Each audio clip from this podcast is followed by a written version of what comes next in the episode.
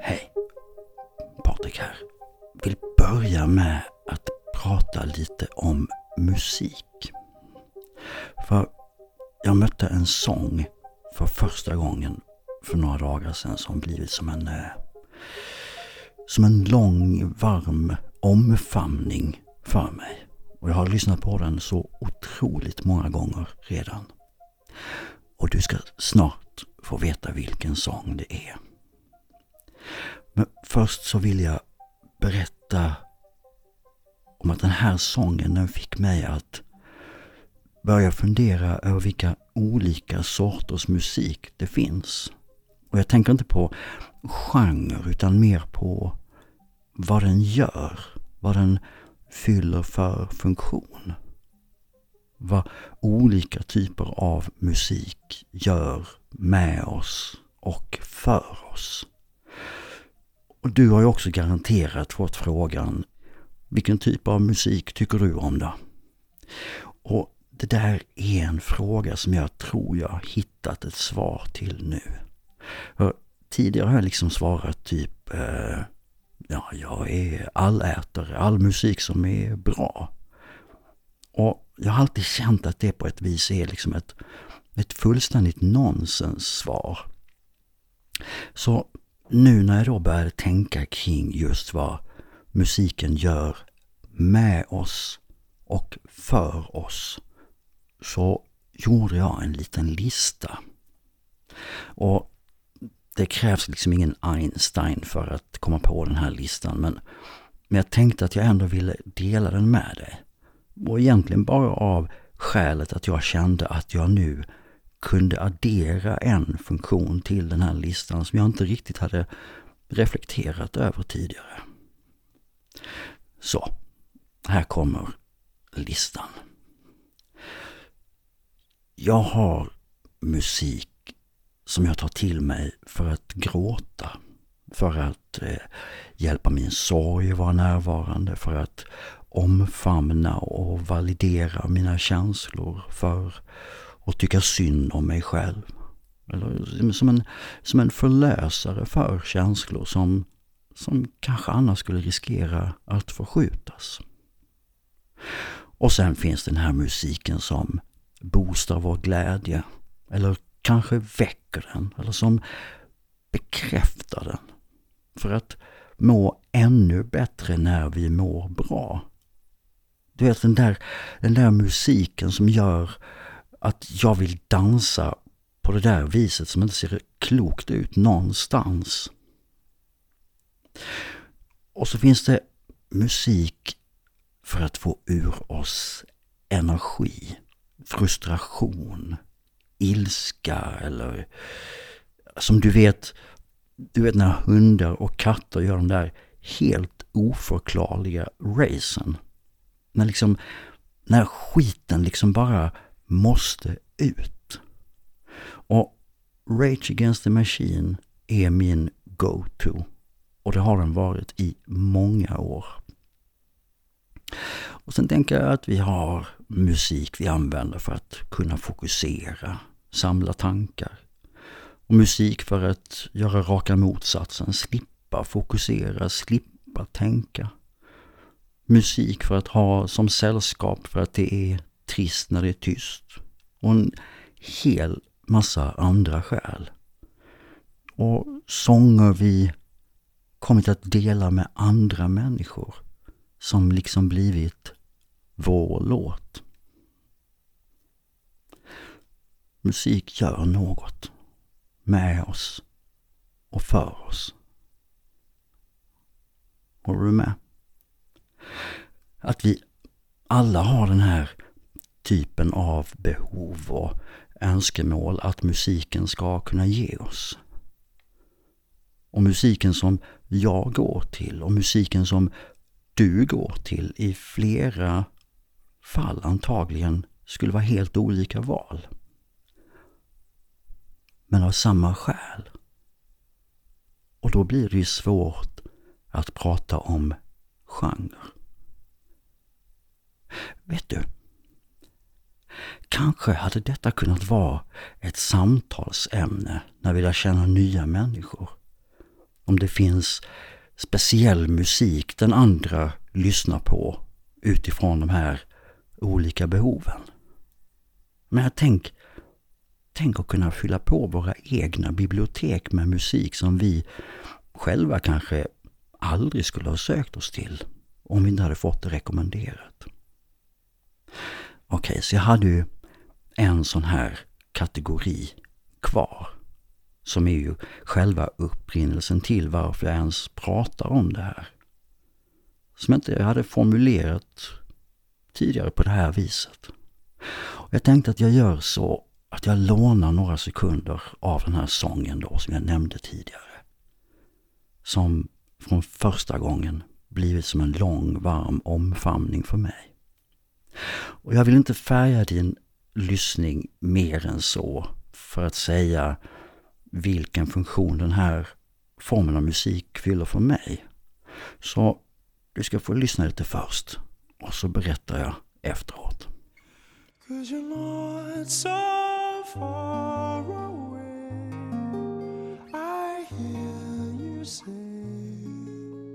You'll never walk alone.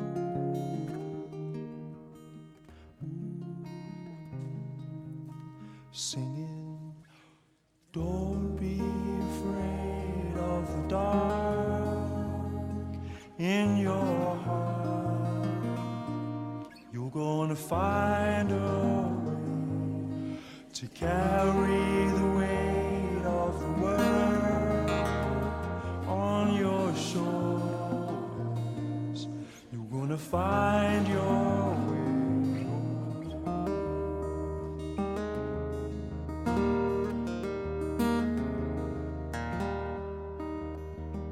musik som gör vad den här sången gör med mig känner jag finns för att bära oss.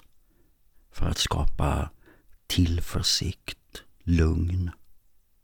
Den typen av musik är som när ens vän eller älskare sitter bredvid oss, håller vår hand och förvissar oss om att det kommer att gå bra.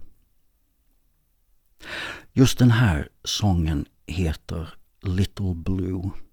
Och det är en alldeles extraordinär människa som heter Jacob Collier som gör den. Och jag vet inte om jag någonsin upplevt en så prestigelös och generös musiker. När jag ser klipp med honom från konserter så, så får jag känslan av att så mycket för honom handlar om vår upplevelse, inte hans. Att han månar om att vi som publik verkligen ska känna oss inkluderade. Jag ska inte fördjupa mig för mycket. Men du, om sången slog an någonting hos dig med så ligger det en länk till Youtube i avsnittsbeskrivningen där du kan se och höra hela den här sången. Och så kan du leta upp honom på Instagram också. Jacob Collier. Och där skulle jag vilja uppmuntra dig att leta efter de där klippen när han dirigerar sin publik i, i en improviserad körsång. För det är gåshud deluxe och ger mig glädjetårar varje gång. När jag tänker på en sån människa som Jacob, som också bär på en stor musikalisk begåvning så kommer jag att tänka på ett citat som jag mötte för första gången för inte så länge sedan. Och det är ett citat som tillskrivs Pablo Picasso. Och jag läser det på engelska. The meaning of life is to find your gift. The purpose of life is to give it away när jag ändå är igång med mina citat. Så jag har sett ett klipp med skådespelaren Ethan Hawke ett par gånger om konst.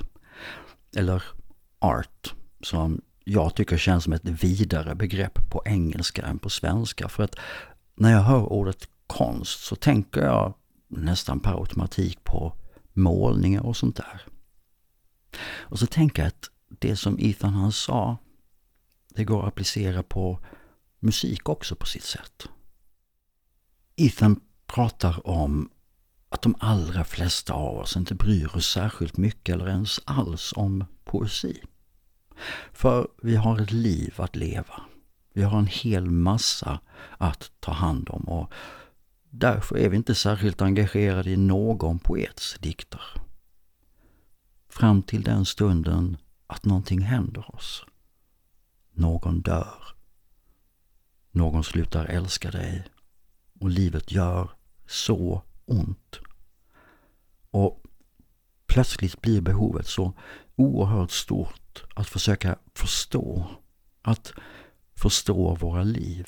Har någon någonsin mått så här dåligt förut? Eller tvärtom, någonting fantastiskt händer oss.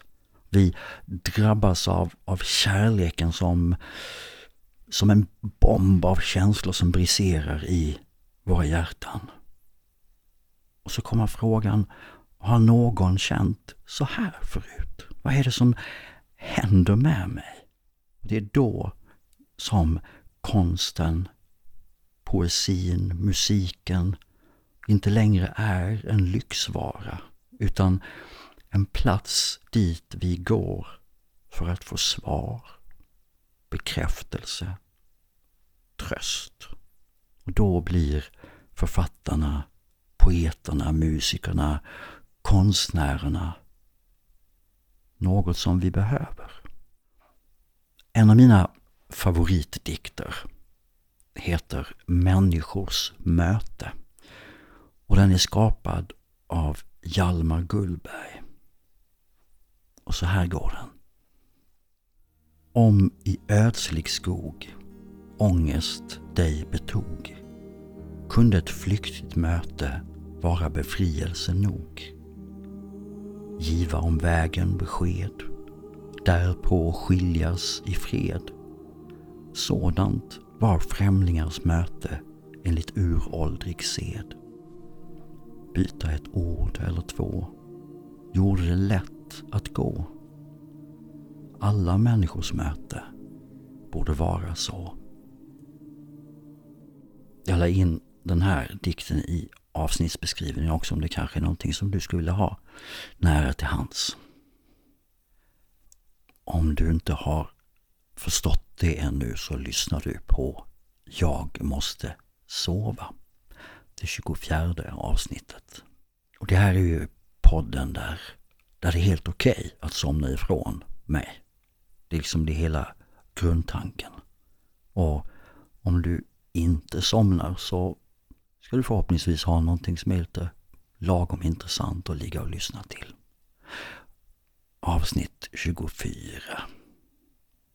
Vad sägs om att prata om någonting som kanske inte är helt lätt att sätta ord på för att det är liksom lite abstrakt, det är inte mätbart, det är mer en känsla. Min vän Charlotta delade för ett par månader sedan tankar med mig som hon hade börjat formulera för sig själv.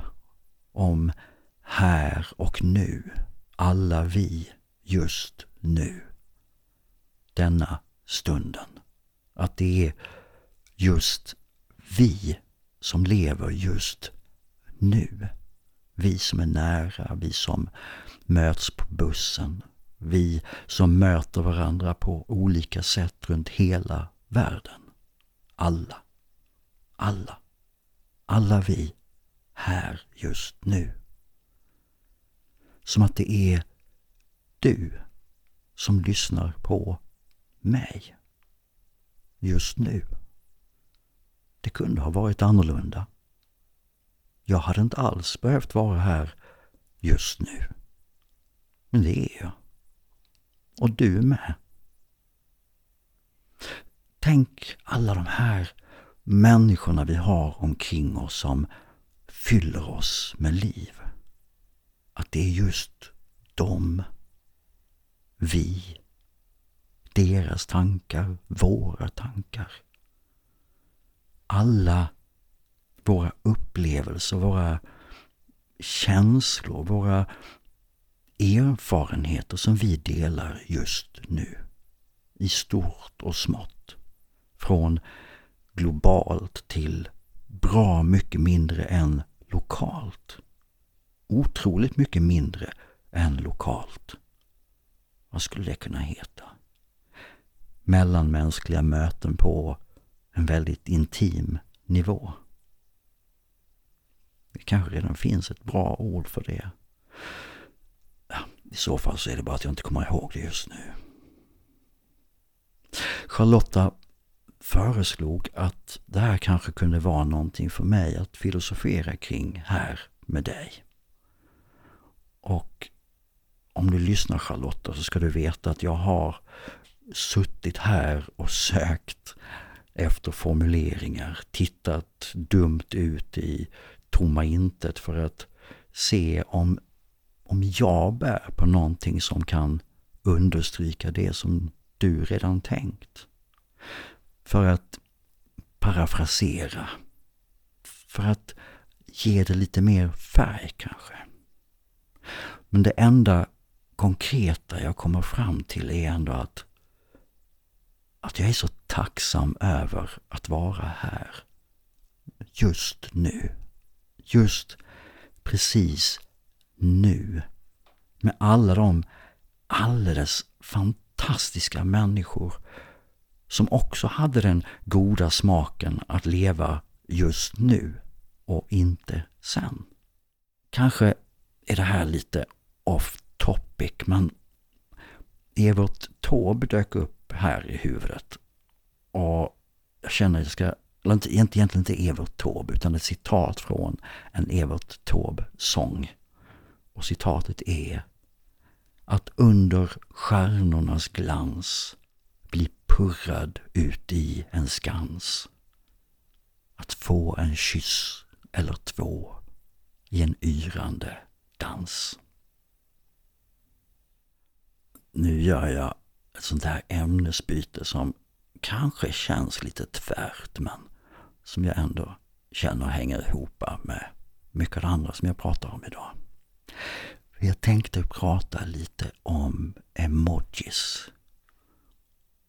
För emojis kan utan tvekan vara bättre än att uttrycka samma sak i text.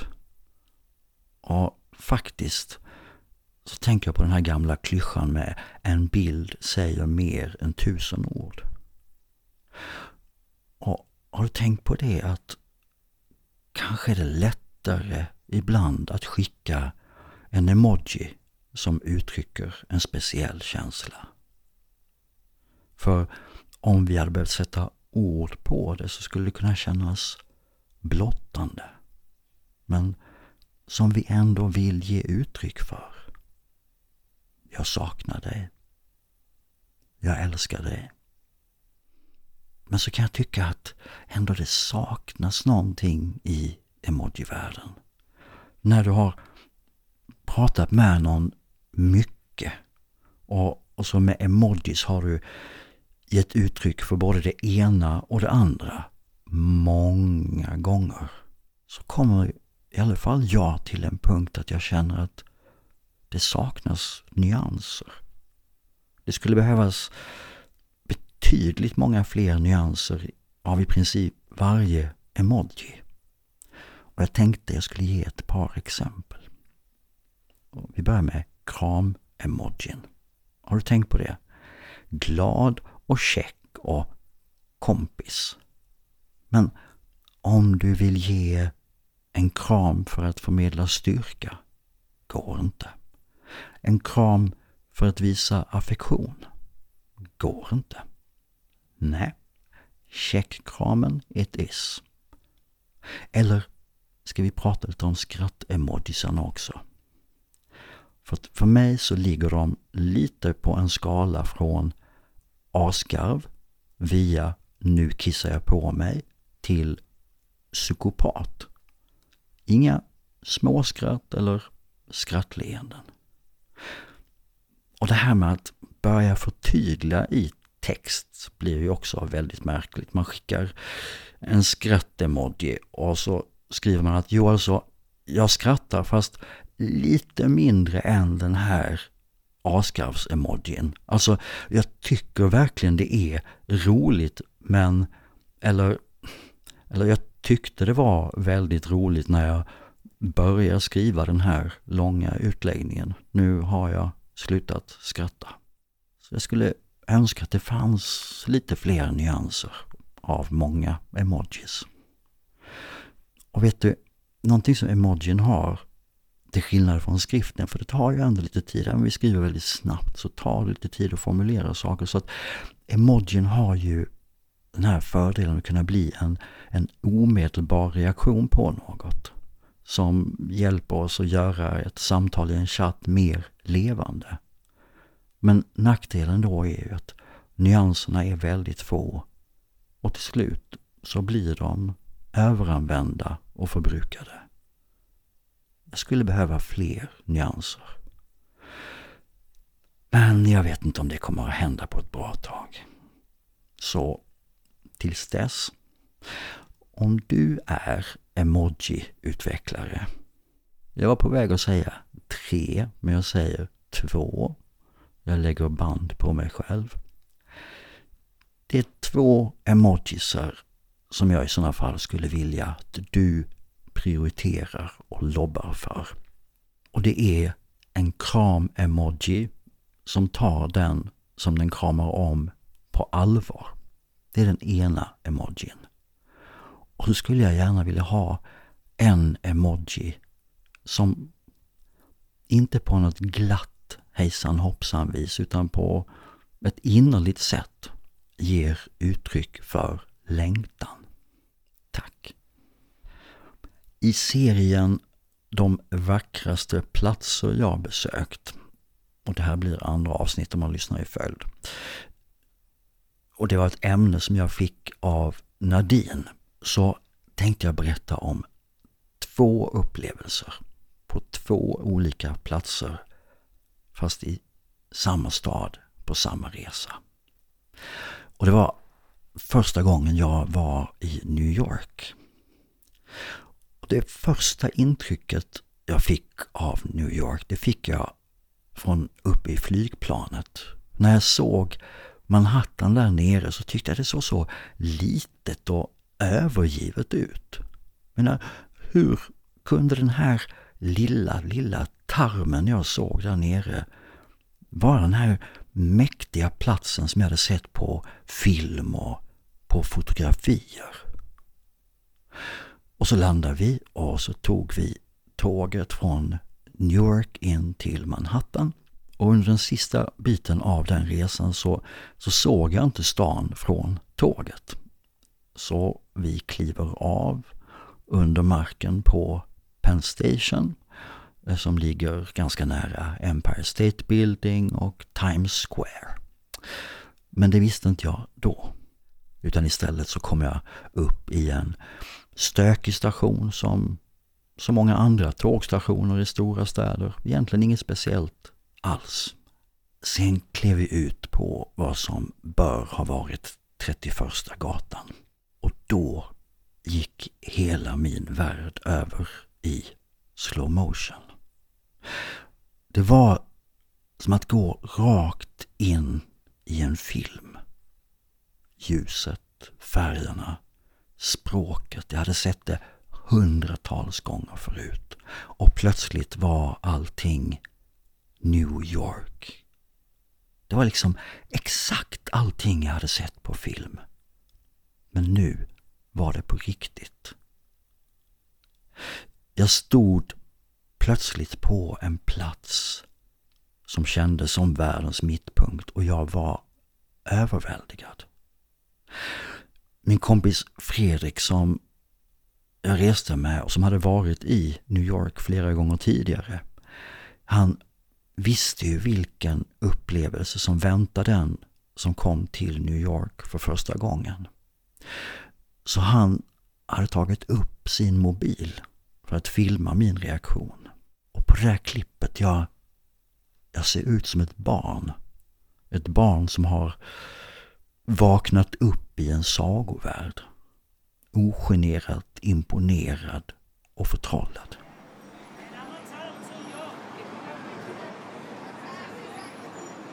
Fan vad gött. Så jävla gött. En massa år innan jag reste till New York så hade jag sett en film av Terry Gilliam som heter Fisher King med Robin Williams och Jeff Bridges som utspelar sig i New York. Och jag såg den på en, en biograf i Stockholm med en väldigt, väldigt stor duk och jag satt väldigt långt fram, typ på första eller andra raden. Och jag minns hur jag kunde liksom sitta och titta upp för de här höga husen för att hela filmen var filmad i ett gatuperspektiv. Och det var precis den känslan också när jag steg av där på Penn Station. Att det var exakt det perspektivet som hade varit i den här filmen. Och då var det ju så att när jag bodde i Spanien så jobbade jag med Terry Gilliam och då passade jag på att fråga honom om, vi pratar mycket om Fisher King, då pratade vi bland annat om det här kameraperspektivet och han sa att ja, men det var ett väldigt, väldigt medvetet val för att det är det perspektivet som i princip alla som besöker New York har på stan. Under den här resan så bodde vi ute i Williamsburg som är på andra sidan East River som man kan säga på sitt sätt hänger ihop med Brooklyn. Det ligger norr om Brooklyn. Och det här andra tillfället som jag hade en sån där speciell upplevelse på, på den här resan, det var när jag och Fredrik en kväll tog en taxi från Williamsburg in till Manhattan. Och av någon anledning så var en av våra mobilkameror igång, jag tror det var Fredriks. Eh, och vi lämnar Williamsburg och så börjar vi åka över Williamsburg Bridge. Och så plötsligt uppenbarar sig hela Manhattan skyline. Alla dessa byggnader med en svart himmel som fond med hundratals och åter hundratals små fönster upplysta. Och kolla in!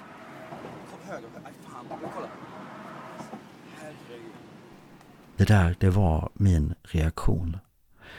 Fredrik blev lite generad över min reaktion och bad mig tona ner mig lite grann.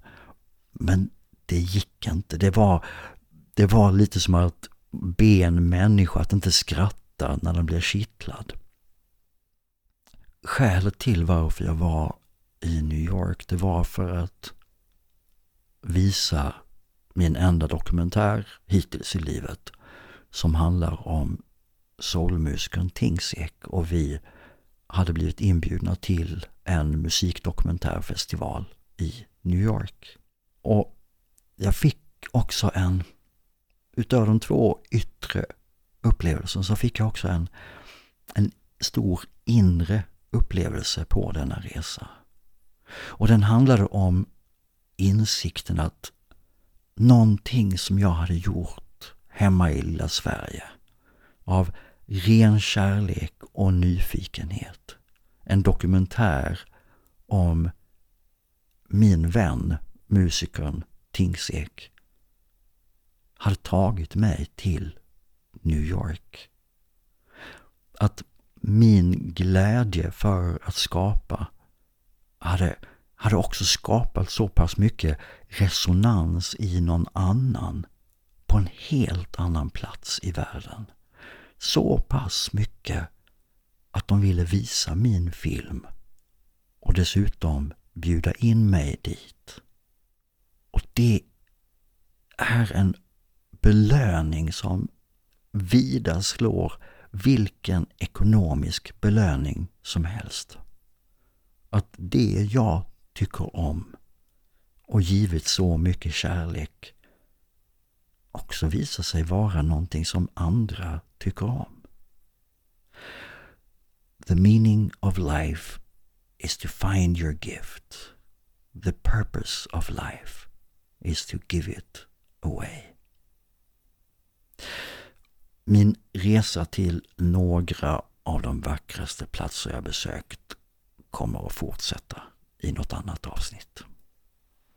Ett ämne som har funnits på min lista över förslag på ämnen att prata om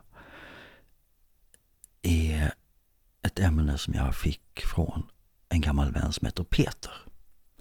Och hans förslag på ämne var tystnad. Och det har legat där så länge för att jag inte riktigt har vetat hur jag ska ta mig an det. Men så tänkte jag att, men käre bonde, gräv där du står. Jag växte ju själv upp på landet, nära häststall och kostall.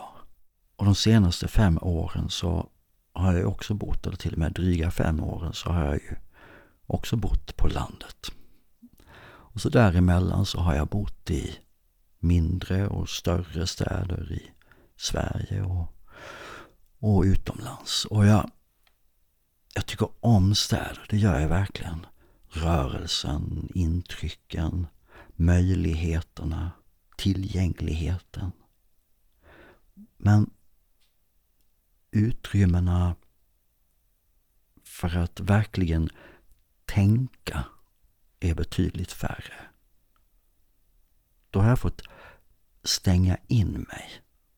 Och det är, det är ärligt talat en, en ganska hemsk känsla, är väldigt starkt ord, men det är en, det är en känsla som jag inte tycker om.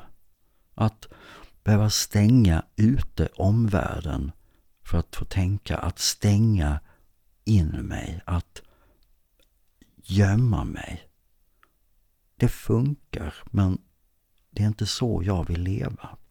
Den här podden hade nog inte varit möjlig om jag hade bott i en stad. Och ledordet är tystnaden. Här ute på landet finns tystnaden.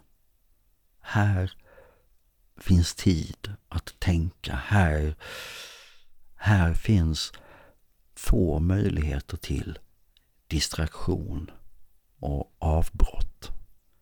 Och det gör mig gott. Ibland när jag möter vänner så säger de att ah, jag har också funderat över att flytta ut på landet men du vet, jag skulle, jag skulle sakna stan för mycket. Och så tänker jag vänligt. Hur vet du att du kommer att sakna stan om du inte ens har provat? Jag kände själv en oro när jag flyttade utomlands för att jag skulle sakna allt där hemma.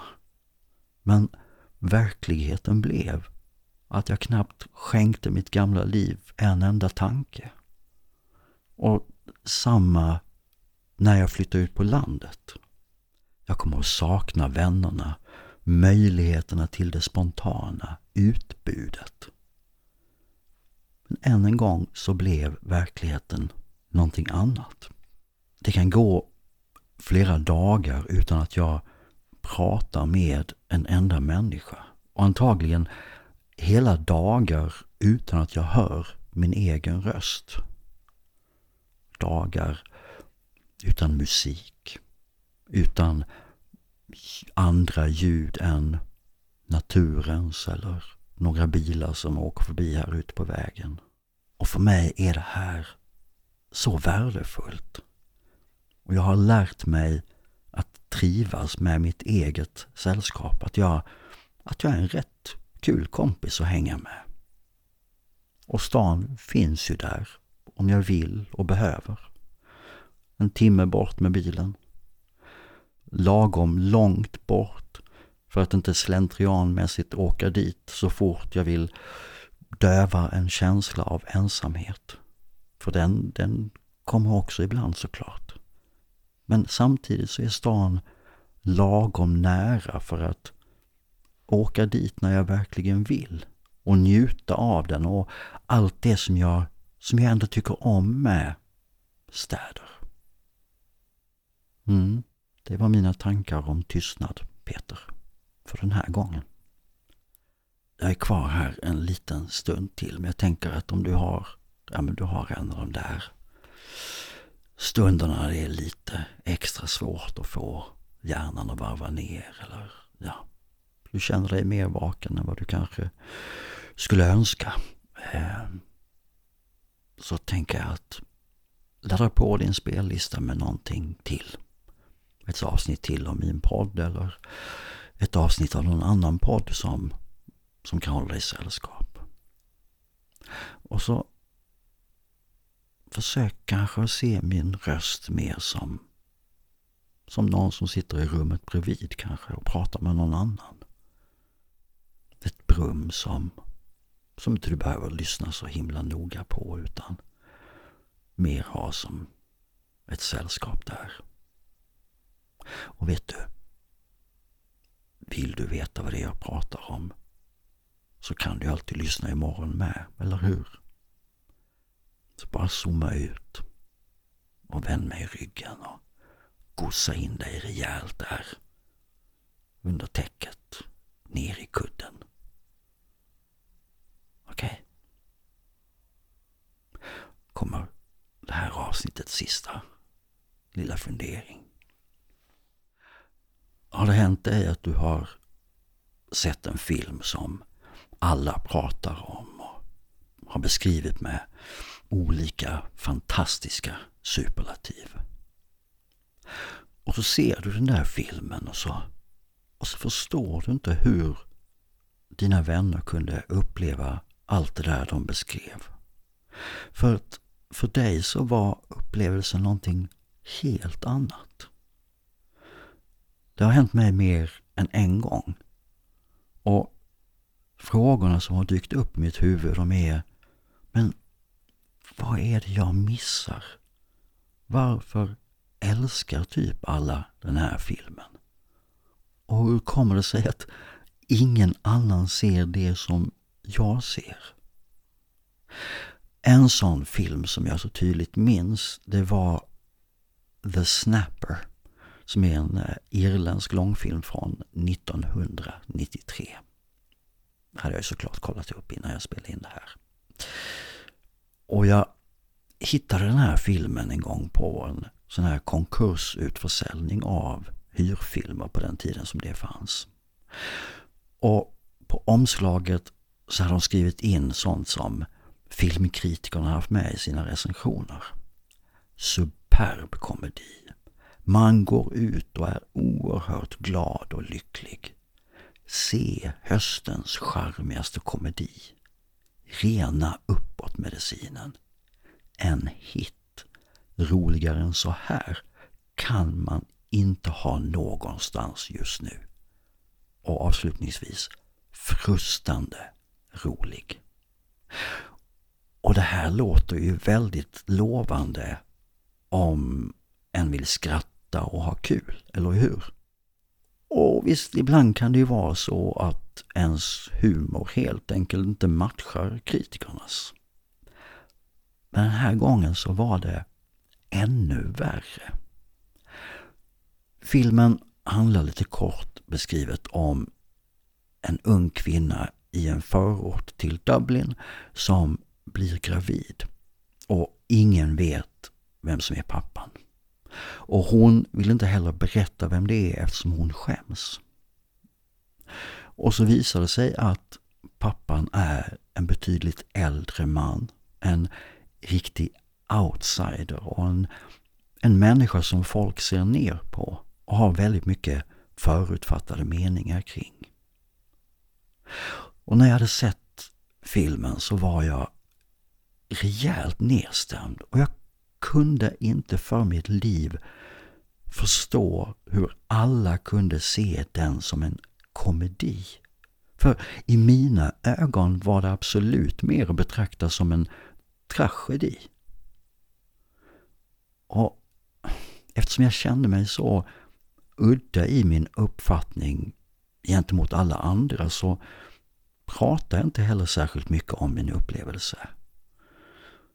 Och filmen den stod kvar där i en hylla och åren gick och jag, jag kunde liksom aldrig släppa den där tanken att jag, att jag måste ha missuppfattat någonting.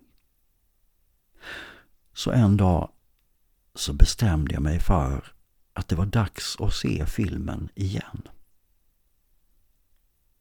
Och det här andra mötet blev helt annorlunda. Helt plötsligt såg jag också den komedi som alla hade pratat om. Och jag tänkte att jag känslomässigt så måste jag ha varit på två helt olika platser första och andra gången. Perspektiv. Jag ska prata mer om det vid något annat tillfälle. Godnatt.